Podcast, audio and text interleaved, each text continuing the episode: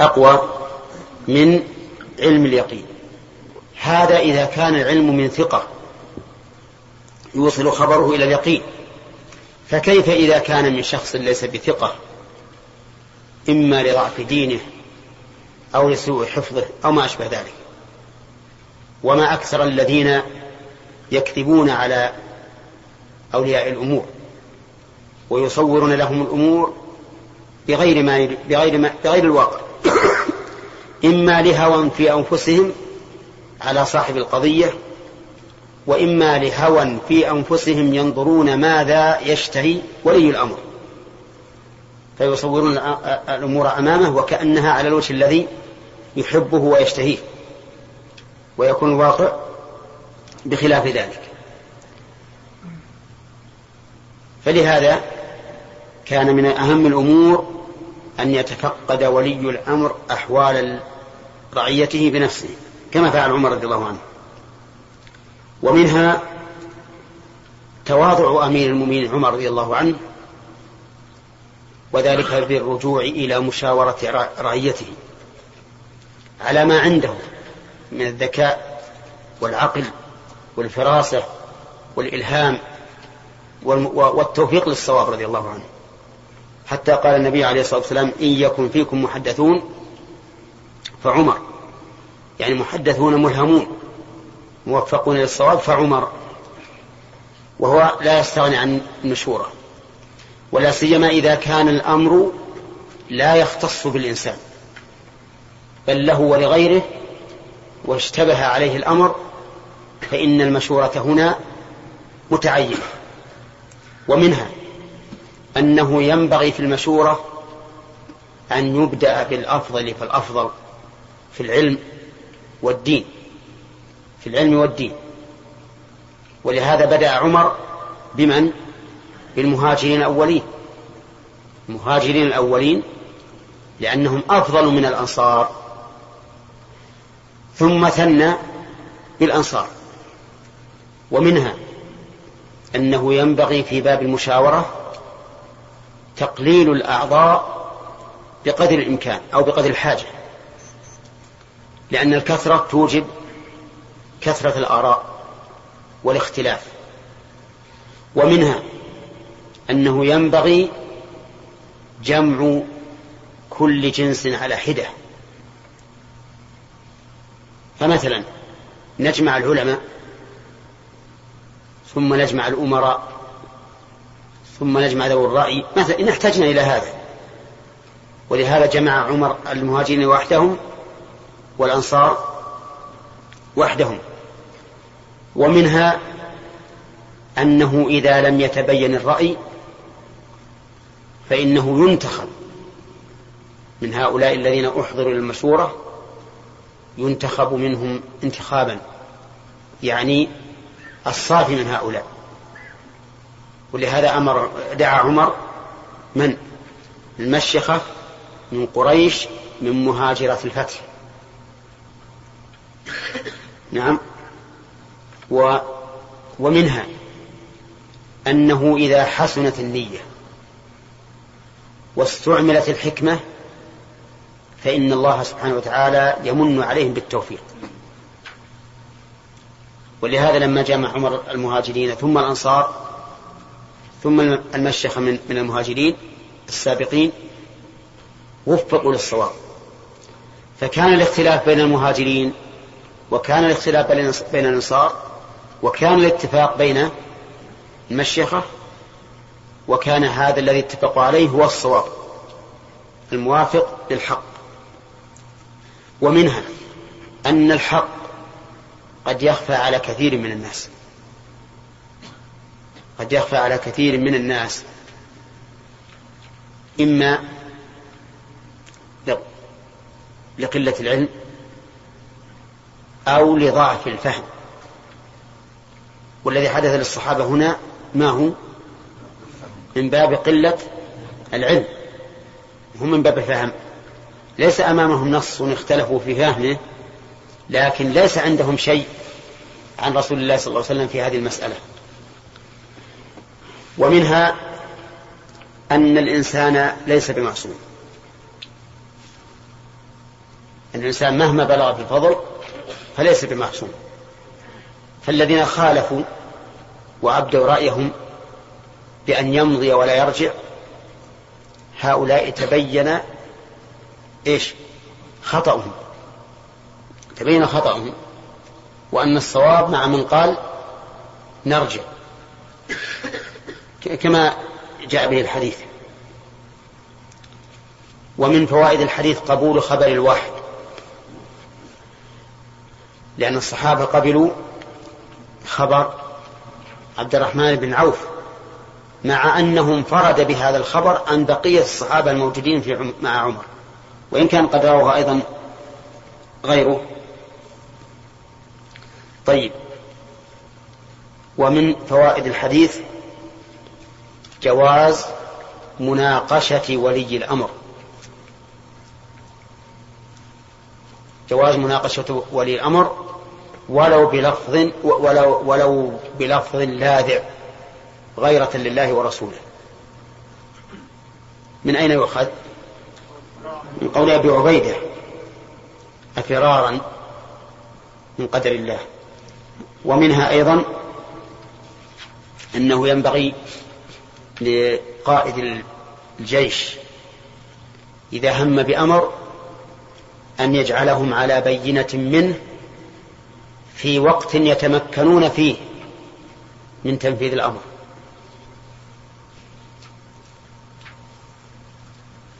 من أين يؤخذ؟ من أن عمر لم يأمرهم بالرحيل من الآن بل وعدهم الرحيل في الصباح. حتى يتمكنوا من التأهب وإصلاح الأحوال قبل أن قبل أن يرجعوا. ومنها فضل أبي عبيدة بن الجراح رضي الله عنه. وذلك لإقدامه على قول ما يرى أنه حق.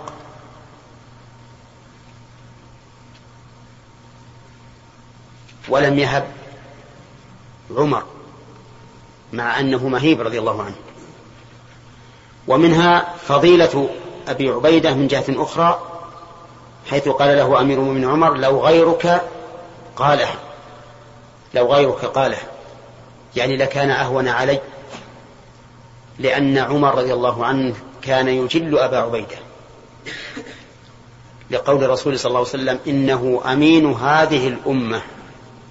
لكل أمة أمين وأمين هذه الأمة أبو عبيدة عامر بن الجراح حتى إنه قال حين طوع رضي الله عنه لو كان أبو عبيدة حيا لخلفته لأنه أمين هذه الأمة. فلهذا قال لو غيرك قالها. ومنها جواز استعمال لو في الخبر. لقوله لو غيرك قالها. واستعمال لو تكون على أوجه. الأول أن تكون لمجرد الخبر فهذه لا بأس بها. لا بأس بها. استعملها النبي عليه الصلاة والسلام واستعملها الخلفاء وغيرهم. قال النبي عليه الصلاة والسلام لو تعلمون ما أعلم لضحكتم قليلا ولبكيتم كثيرا. وهنا عمر يقول لو غيرك قالها وتقول لو زرتني لأكرمتك. هذا كله لا بأس به. وتستعمل في التمني. تستعمل في التمني. فتكون على حسب ما تمناه الإنسان. إن تمنى خيرا فخير وإن تمنى شرا فشر. ومنه ما أخبر به النبي عليه الصلاة والسلام من الرجال الأربعة. رجل آتاه الله تعالى مالا فأنفقه في سبيل الله. فقال الرجل الآخر الذي أتاه الله علما ولم يؤته مالا لو أن لي مال فلان لعملت فيه مثل عمل فلان يتمنى أن يكون له ذلك. قال الرسول عليه الصلاة والسلام فهو بنيته فهما في الأجر سواء. والآخر الذي تمنى أن له مال فلان الذي كان يتخبط فيه ويخوض فيه بغير حق. قال النبي عليه الصلاة والسلام فهو بنيته فهما في الوزر سواء. وتستعمل على وجه الندم والتحسر لما وقع فتكون من من عمل الشيطان منهيا عنها. ومن ذلك قول الرسول عليه الصلاة والسلام احرص على ما ينفعك واستعن بالله ولا تعجزن. وإن أصابك شيء فلا تقل لو أني فعلت لكان كذا. فإن لو تفتح عمل الشيطان. ومن فوائد هذا الحديث جواز استعمال القياس. وأنه دليل. وجهه. نعم. استعمال عمر رضي الله عنه القياس لأبي عبيدة. قال أرأيت لو كان لك إبل هبطت واديا له عدوتان إحداهما خصبة والأخرى جدبة أليس إن رأيت الخصبة؟ رأيتها بقدر الله وإن رأيت الجدبة رأيتها بقدر الله؟ وش الجواب؟ بلى. نعم هو هذا الواقع. له إبل هبط بها واديا يعني شعيبا. مجرى السيل له عدوتان يعني فرعان يتفرع فرعين. إحدى العدوتين خصبة فيها أعشاب فيها أشجار تراها الإبل. والأخرى مجدبة. ما الذي ترعى الخصبة لا شك. أترعاها بقدر الله أم بغير قدر الله؟ بقدر الله عز وجل. إذا فهؤلاء القوم هم لي أنا راعيهم إن ذهبت بهم إلى الشام سلكوا الطريق المجدب أو العدوة المجدبة. وإن رجعت بهم عن هذا سلكوا العدوة الخصبة. فاقتنع بذلك أبو عبيدة. ومن فوائد الحديث أن فعل الأسباب لا ينافي القدر بل هو من القدر. فعل الأسباب لا ينافي القدر بل هو من من القدر. لأن الله يحميك من الضرر بما فعلت من السبب الذي يمنع الضرر. أليس كذلك؟ كل أعمالنا أسباب. كل أعمالنا أسباب. وهي بقدر الله وبغير قدر الله. بقدر الله.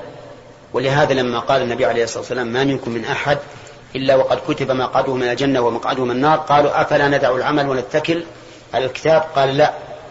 اعملوا فكل ميسر لما خلق له. فلا نقول مثلا إذا كنا من أهل الجنة ما حاجة نعمل نحن من أهل الجنة. ولا نقول إذا كان الله قد قدر لنا ولدا ما نتزوج. نعم. ولا نقول أيضا إذا كان الله قد قدر لي أن أكون عالما ما حاجة أقول اللهم ارزقني علما. لأن نقول إن الله قدر لك ذلك بسبب من سببه؟ إيش؟ الدعاء مثلا. من سببه الدعاء؟ من سبب الولد الزواج. لو يجي واحد يقول أنا ما نتزوج يا رجل اطلب الأولاد. قال والله إذا كان الله مريد لي ولد بيجي. ينبت مع راسك. ولا وشلون؟ لازم تتزوج ليأتيك الولد. هكذا أيضا واحد يقول أنا أسأل اللهم إني أسألك علما نافعا. كل النهار في نزهات وكشتات وسفرات اطلب العلم يا رجل. قال أنا أدعو الله أن الله يجيب لي علم. منين يجيب العلم؟ هو ما أن يشرب ويصير واحد عالم. المهم أن أنه لا يمكن أن يعترض إنسان على قدر الله في مثل هذه الأمور. لأننا نقول افعل الأسباب والأسباب نفسها من من قدر الله. ولهذا قال عمر نفر من قدر الله إلى قدر الله. نفر منه إلى قدر. يعني نفر من القدر اللي هو المضي إلى قدر الله وهو الرجوع. فإن مضينا فبقدر الله وإن رجعنا فبقدر الله. نعم إذا صار الأمر ليس بيدك حينئذ تحتج بالقدر. ولهذا قال الرسول عليه الصلاة والسلام احرص على ما ينفعك واستعن بالله ولا تعجز فإن أصابك شيء بعد بذل الأسباب فلا تقل لو أني فعلت كذا لكان كذا ولكن قل إيش؟ قدر الله وما شاء فعل. فإذا كان الأمر ليس بيدك فهو نعم إلى القضاء والقدر.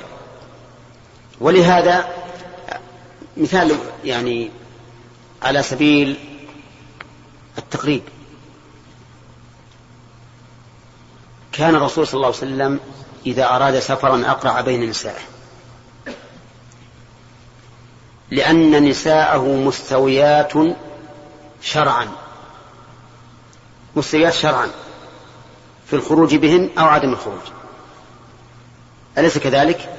ما يفضل مثل عائشة على حفصة أو حفصة على زينب أو على أم حبيبة أو ما أشبه ذلك. كلهن مستويات شرعا في الاستحقاق أو عدمه. لما تعذر اختيار إحداهما أو إحداهن من طريق الشرع نرجع إلى إلى القدر إلى الطريق الذي يثبت بالقدر وهو القرعة. فنقرع فمن قضى الله لها أن تصيبها القرعة خرجت. يعني الآن الشرع نبدأ به أولا ما استطعنا. إذا عجزنا حينئذ نفوض الأمر إلى القدر إلى قدر الله. لأن الله عز وجل له الحكم الكوني والشرعي. ونحن مأمورون أولا بماذا؟ باتباع الشرع. فإذا تعذر علينا ذلك لأي سبب من الأسباب فإننا نرجع إلى القدر إلى الحكم الكوني القدري. هذا الرجل الذي حرص على ما ينفعه وفعل الأسباب لجلب ما ينفعه ولكن لم ينتفع صار الأمر بالعكس. نقول أنت الآن أديت ما عليك من حيث أمرت. وش باقي الآن؟ التفويض. ها؟ التفويض للقدر. الآن قل قدر الله وما شاء فعل. واضح ولا لا؟ طيب. إذا عمر رضي الله عنه يقول نفر من قدر الله إلى قدر الله. نفر من قدر الله إلى قدر الله. طيب ومن فوائد الحديث أنه لا يجوز القدوم على أرض الطاعون. لأن ذلك من قتل النفس والإلقاء بالتهلكة. والله عز وجل والله عز وجل يقول لا تقتلوا أنفسكم ويقول لا تلقوا بأيديكم إلى التهلكة.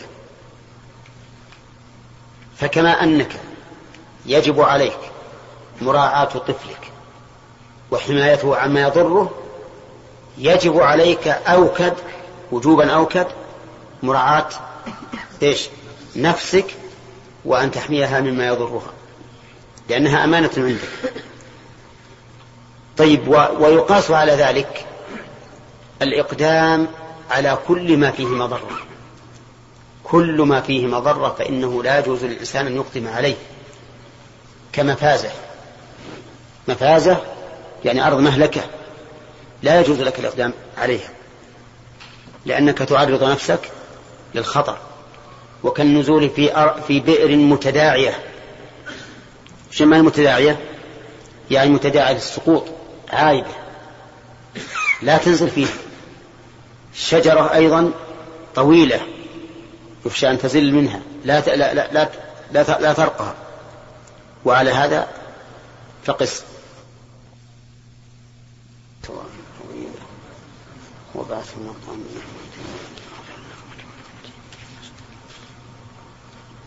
ومن فوائد الحديث أنه لا يجوز الخروج خروج الإنسان من أرض وقع فيها الطاعون لقوله وإذا وقع بأرض وأنتم بها فلا تخرجوا فرارا منه. ومنها جواز الخروج من أرض الطاعون إذا لم يكن فرارا منه. وبهذا يتبين ضعف استدلال من استدل بهذا الحديث على ما يسمى في علم الطب الحجر الصحي. لأنهم قالوا إن منع الرسول عليه الصلاة والسلام من خروج من الخروج من أرض وقع بها الطاعون هذا هو الحج الصحي. يعني يحجرون عليك ما تخرج. فنقول لهم إن الرسول صلى الله عليه وسلم نهى عن الخروج إيش؟ فرارا منه. وأما إذا خرج الإنسان لأن حاجته انتهت فإنه يخرج. وأيضا الحجر الصحي إنما يكون على المصاب بالمرض. أما السليم من المرض فلا فلا وجه للحجر عليه. فإذا قدر أن شخصا جاء من أرض وبيئة وهو سالم حلل وهو سالم فلا وجه للحجر عليه. والحديث هنا عام. فلا تخرجوا فرارا منه سواء أصبتم به أم لم أم لم تصابوا. وبهذا يضعف استدلال من استدل بهذا الحديث على الحجر الصحي.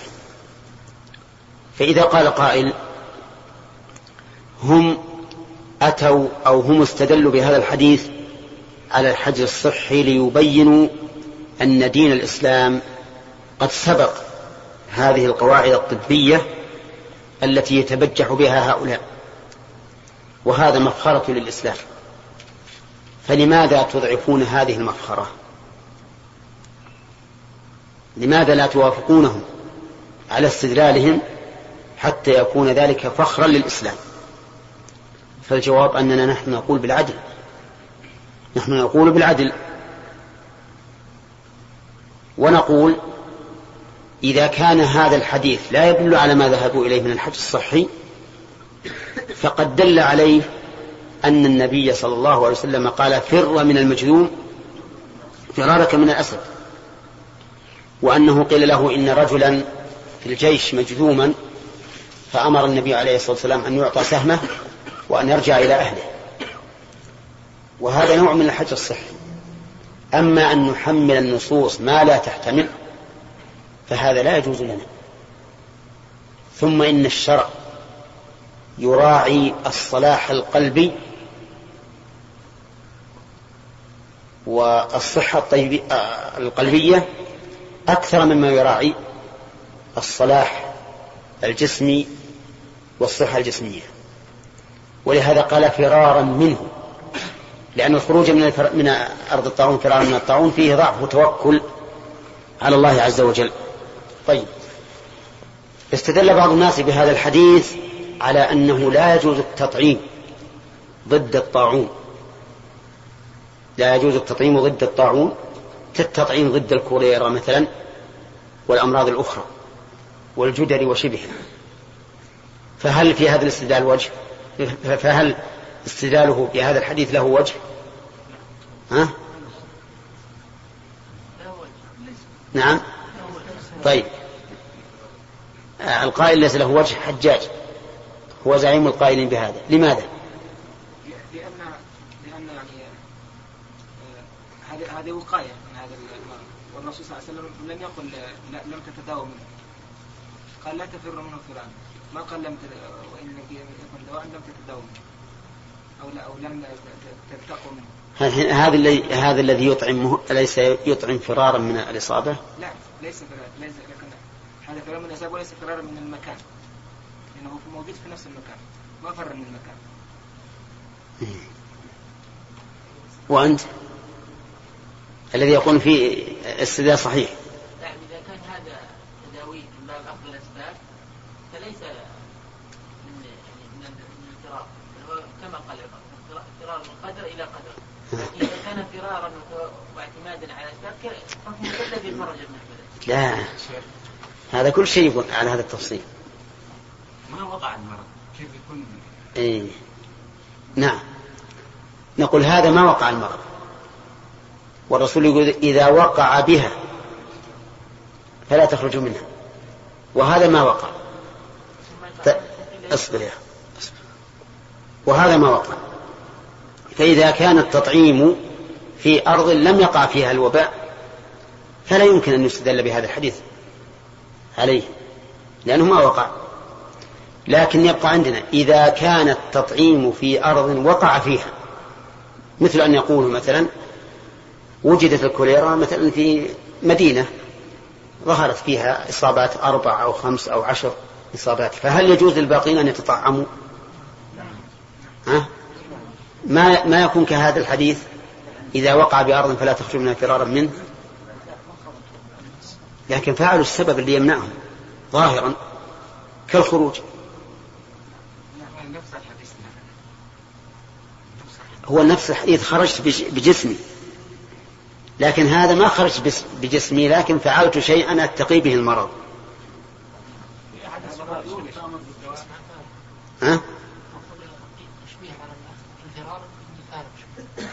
ما ما هو.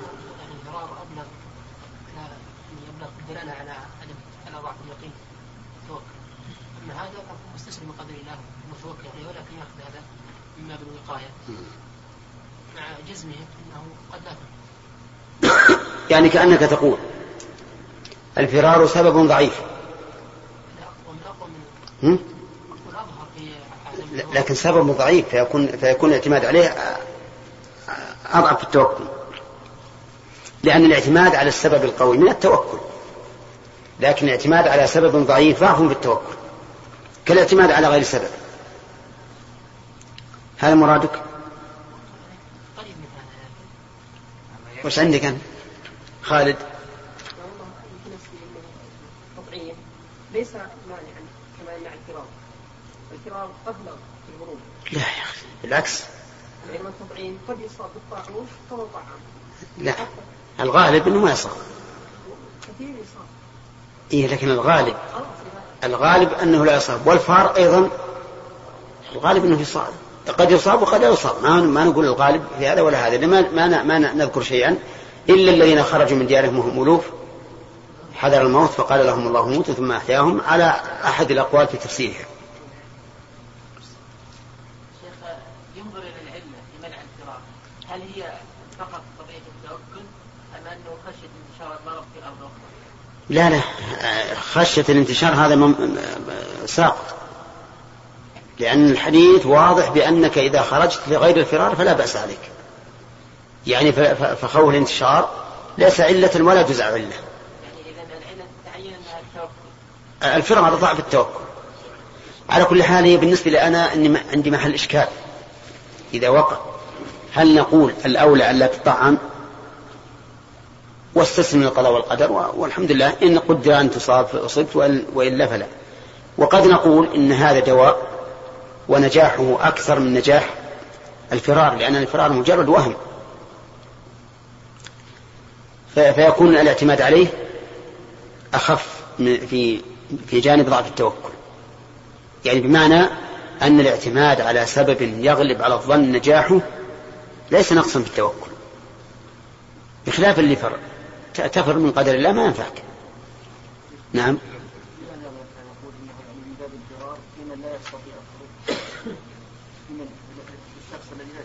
وإن كان يستطيع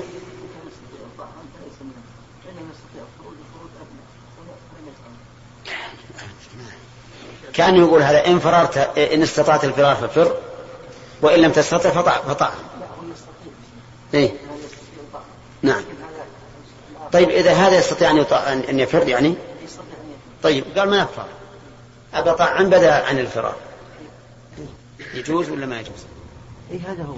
أقول هذا يجوز ولا ما يجوز؟ إيه يجوز. لكن, لكن يجوز؟ نعم. لكن الشخص اللي ما يستطيع الفرار هو اللي ما يجوز فيه لأنه كالفرار. والله مسكين هذا. اللي ما يقدر يفر. يعي عليه اللي يطعم واللي يقدر. للمجاهد أن يدخل ساحة المعركة بل بدون يعني بدون أدراع وكذا. بدون إيش؟ بدون يعني أدراع وبدون ترس. وأعدوا لهم. ما استطعتم من قوة قبل أن ندخل نعد العدة. المخالف شيخ لا معهم سلاح إيه؟ وعد العدة. نعم. ولكن قال أريد أن أستشهد يعني. وعرض صدره للموت. إيه؟ هل هذه تعرض للشهادة لا بأس به. تعرض للشهادة لا بأس به. ولهذا في قصة عمر بن الحمام لما أخبره الرسول عليه الصلاة والسلام بأنه يدخل الجنة إذا قتل مقبلا غير مدبر وضع التمرات التي بيده وقال إنها لئن بقيت حتى آكل هؤلاء إنها لحياة طويلة. لكن ولهذا يقول العلماء إنه يجوز للإنسان أن يدخل الصف صف الكفار ولو وحده. ولن الأسباب له على كل حال هو بداية حتى قتله هزيمة على إخوانه المسلمين. ما نخليها نأجلها خليها تأملوها. لا يا شيخ السؤال بس. في الحديث خ- غيرها؟ إي نعم هذا طيب. السؤال الثاني. نعم. شيخ مهاجرة الفتح. نعم. كيف يتفق مع قول النبي عليه الصلاة والسلام؟ لا هجرة بعد الفتح. وهنا سماهم مهاجرة إيه كيف؟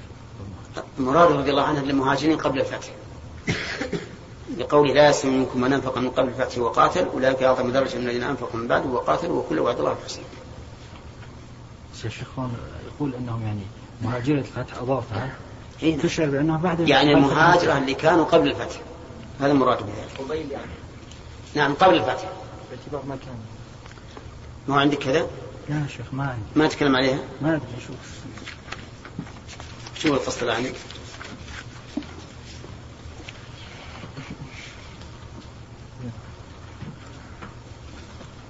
ذكر انهم الذين بعد الفتح. نعم يا شيخ هذا. شو؟ قوله من مهاجرة الفتح. أي الذين هاجروا إلى المدينة عام الفتح أو المراد مسلمة الفتح. مسلمة. مس- مسلمة الفتح. أو أطلق على من تحول إلى المدينة بعد فتح مكة. مهاجرا صورة وإن كانت الهجرة بعد الفتح. حكما قد ارتفعت. وأطلق عليهم ذلك احترازا من غيرهم من مشيخة قريش ممن أقام بمكة ولم يهاجر أصلا. وهذا يشعر بأن بأن لمن هاجر فضلا في الجملة. على من لم يهاجر وإن كانت الهجرة الفاضلة في الأصل إنما هي لمن هاجر قبل الفتح لقوله صلى الله عليه وسلم لا هجرة بعد الفتح وإنما كان كذلك لأن مكة بعد الفتح صارت دار إسلام. فالذي يهاجر منها للمدينة إنما يهاجر لطلب العلم أو الجهاد لا للفرار بدينه بخلاف ما قبل الفتح وقد تقدم بيان ذلك الثاني شو هو؟ والله ما يظهر لنا يظهر لي مثل ما قال الله عز وجل لا يسخر منكم من قبل من أنفق من قبل الفتح وقاتل وقاتل أولئك أعظم درجة من الذين أنفقوا. فما من هجره فتح يعني الذين هاجروا قبل الفتح. لأن لو أخذنا اللفظ بظاهره لكان الفتح ما فيه هجرة. نعم. ما فيه هجرة اطلاقا. لكن المهاجرة الذين هاجروا قبل الفتح. نعم. خلاص يا شيخ. نعم. خلاص ثلاثة؟ نعم. طيب.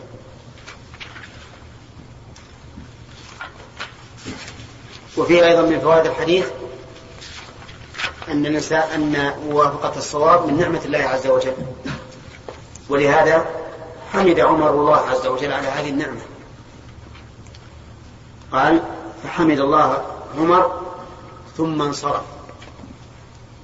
فإذا وفقت للصواب فينبغي لك أن تحمد الله عز وجل على هذا. لأنه إذا كان غذاء البدن وهو الطعام والشراب يشرع للإنسان أن يحمد الله عليه فكذلك غذاء القلب بالعلم والإيمان. فإذا غاية أن الله من عليك بعلم مسألة ولا سيما بعد البحث والعناء في الوصول إلى حكمها فاحمد الله عز وجل الصواب. وكذلك إذا ظهرت لك فراسة في شيء فراسة مبنية على القواعد الشرعية ما هي فراسة المخبرين؟ فوافقت الشرع فاحمد الله على ذلك. وكذلك إذا من الله عليك بنعمة عامة أو خاصة فاحمد الله على ذلك. نعم. حدثنا لا لا. خلينا ثلاث أسئلة. كل حديث له ثلاث أسئلة. نعم. حدثنا عبد الله بن يوسف قال أخبرنا مالك عن ابن شهاب عن عبد الله بن عامر أن عمر خرج إلى الشام فلما كان بسرغ بلغه أن الوباء قد وقع بالشام فأخبره عبد الرحمن بن عوف أن رسول الله صلى الله عليه وسلم قال إذا سمعتم به بأرض فلا تقدموا عليه وإذا وقع بأرض وأنتم بها فلا تخرجوا فرارا منه. حدثنا عبد الله بن يوسف قال أخبرنا مالك عن نعيم المجمر عن أبي هريرة رضي الله عنه قال قال رسول الله صلى الله عليه وسلم لا يدخل المدينة المسيح ولا الطاعون. حدثنا موسى بن إسماعيل قال حدثنا عبد الواحد قال حدثنا عاصم قال حدثتني حفصة بنت سيرين قالت قال لي أنس بن مالك رضي الله عنه يحيى بما مات قلت من الطاعون. قال قال رسول الله صلى الله عليه وسلم الطاعون شهادة لكل مسلم. اللهم صل وسلم. حدثني أبو عاصم عن مالك عن سمي عن أبي صالح عن أبي هريرة عن النبي صلى الله عليه وسلم قال المبطون شهيد والمطعون شهيد. طيب حديث أسامة الذي سبق يقول لا تخرجوا منها ولم يقل فرارا منها. وحديث عبد الرحمن بن عوف يقول فرارا. منه فنحمل المطلق على المقيد. ونقول إذا خرج لا فرارا منه فلا بأس به. نعم. نعم. لماذا يكون الفرار من المدينة لشخص ثبت له تماما أنه لم يصب بالمرض الوبائي بعد أو الطاعون مثلا؟ لماذا يكون ضعفا في التوكل على الله؟ نعم. مع أنه أخذ بالأسباب. مثال. يعني لو لو أنني كنت في مبنى واحترق وحصل به انفجار فلا أخرج من هذا المبنى مثلا حتى لا يكون آه، فرارا من قدر الله؟ لا لا غير هذا. شيء هذا شيء معروف. إذا وقفت النار أكلتك. وإذا لكن بقيت في مدينة فيها طاعون وأنا متأكد أني لم أصب بالطاعون بعد. طيب إذا إذا بقيت في هذه المدينة التي أصابها الطاعون قد يصيبك وقد لا يصيبك؟ نعم. الفرق بينهم الوقوف للنار إصابة قطعا. والبقاء في البلد؟ الذي دخله الطاعون قد يرفعه الله عز وجل قد يرفع الله الطاعون ولم يمت إلا نصف الناس أو ربعهم أو أقل بينهما فرق واضح. نعم. باب أجر الصابر. نعم. أي نعم نعم. قول يدخل مدينة المسيح ولا الطاعون المسيح الدجال. وقد ورد أنه يقف على أبوابها وأن على أبواب المدينة ملائكة يحفظونها. فترتجف المدينة بأهلها فيخرج من المدينة كل منافق. كل منافق وكل كافر يخرج من المدينة ويتبع الدجال. نعم. باب أجر الصابر على الطاعون حدثنا إسحاق قال أخبرنا حبان قال حدثنا داود بن أبي الفرات قال حدثنا عبد الله بن بريدة عن يحيى بن يعمر عن عائشة زوج النبي صلى الله عليه وسلم أنها أخبرت أنها سألت رسول الله صلى الله عليه وسلم عن الطاعون فأخبرها نبي الله صلى الله عليه وسلم أنه كان عذابا يبعثه الله على من يشاء فجعله الله رحمة للمؤمنين. فليس من عبد يقع الطاعون فيمكث في بلده صابرا. يعلم أنه لن يصيبه إلا ما كتبه الله له إلا كان له مثل أجر الشهيد. تابعه النضر عن داود. نعم هذا أيضا ربما يحمل عليه المطعون شهيد على هذا على أنه صبر واحتسب وبقي في الأرض التي أصابته آه، التي أصابها الطاعون حتى أصابه. فيكون هذا مثل الذي مثل الذي يلقى العدو فيصبر أمامه. لكن الذي يلقى العدو لقيه بأمر شرعي. وهذا الذي آه، بقي بقي بأمر شرعي لكن هذا الطاعون من الله عز وجل وليس من البشر. وفي قوله فيمكث ببلده صابرا يعلم أنه لن يصيبه إلا ما كتب الله دليل على كمال توكله. كمال توكله. لكن لو خرج لغير الفرار فهو فهو جائز. فهو جائز كما سبق.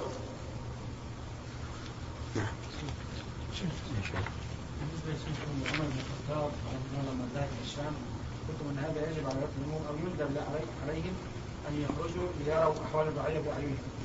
طيب الآن ماذا يجب على أولاد الأمور الآن؟ لأولئك الذين علمهم ظن يعني يشبههم بالأخبار وهم ليسوا ثقات. وفيها حالات يعني ولي الأمر أمامه حالات حالتين. حالة ممكن يكون هذه الأخبار كثيرة جدا لا يستطيع بجهده هو شخصيا أن يتابعها في مدينته أو في الدولة يعني الذي يملكها أو إن الأخبار أو الأحوال ثلاث أو أربعة أو خمسة يستطيع ان يتابعها ما يجب عليه في الحالتين. يبدأ بالأهم فالأهم وهل يعذر يعني؟ يعذر؟ يجب أولا يجب عليه أن يولي من هو أنصح. يجب أن يولي من هو أنصح لعباد الله. وأصدق وأدين هذا واحد. والثاني الشيء الذي لا يدركه بنفسه الذي يعني يحتاج إلى تثبت أكثر يستطيع أن يباشره بنفسه. ولم معلوم أن البشر ما هو يعلم علم اليقين أو عين اليقين بكل شيء. هذا مستحيل. نعم. يا شيخ الطاعون هو صار رحمة ولا باعتبار الأجر؟ كيف؟ قل فجعله الله رحمة للمؤمنين.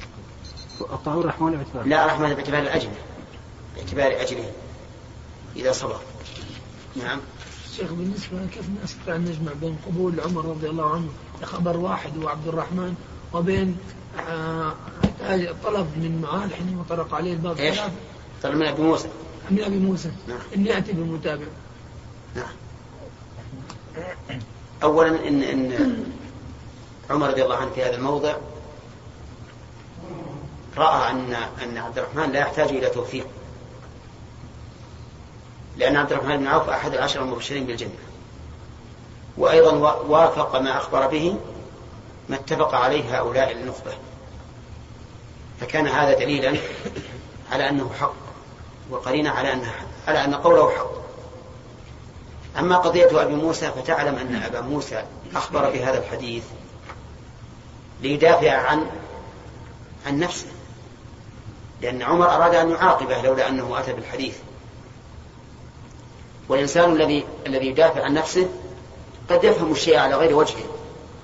قد يفهم الشيء على غير وجهه. فأراد عمر رضي الله عنه أن يتثبت في هذا حتى لا يبقى شبهة. لأن الإخبار كالشهادة من بعض الوجوه. فهذا أبو موسى لما أخبر عن النبي عليه الصلاة والسلام وإن كان بعيدا جدا أن يتعمد الكذب لمصلحة نفسه هذا مستحيل. من حيث مرتبة الصحابة رضي الله عنهم. لكن قد يفهم النص على خلاف ما أراده النبي عليه الصلاة والسلام ويكون قد عمل بما فهم من النص وهو خلاف ما أراده الرسول عليه الصلاة والسلام. فأراد عمر أن يتثبت فيها نعم. انتهى الوقت؟ والله أعلم وصلى الله وسلم على نبينا محمد وعلى آله وأصحابه أجمعين.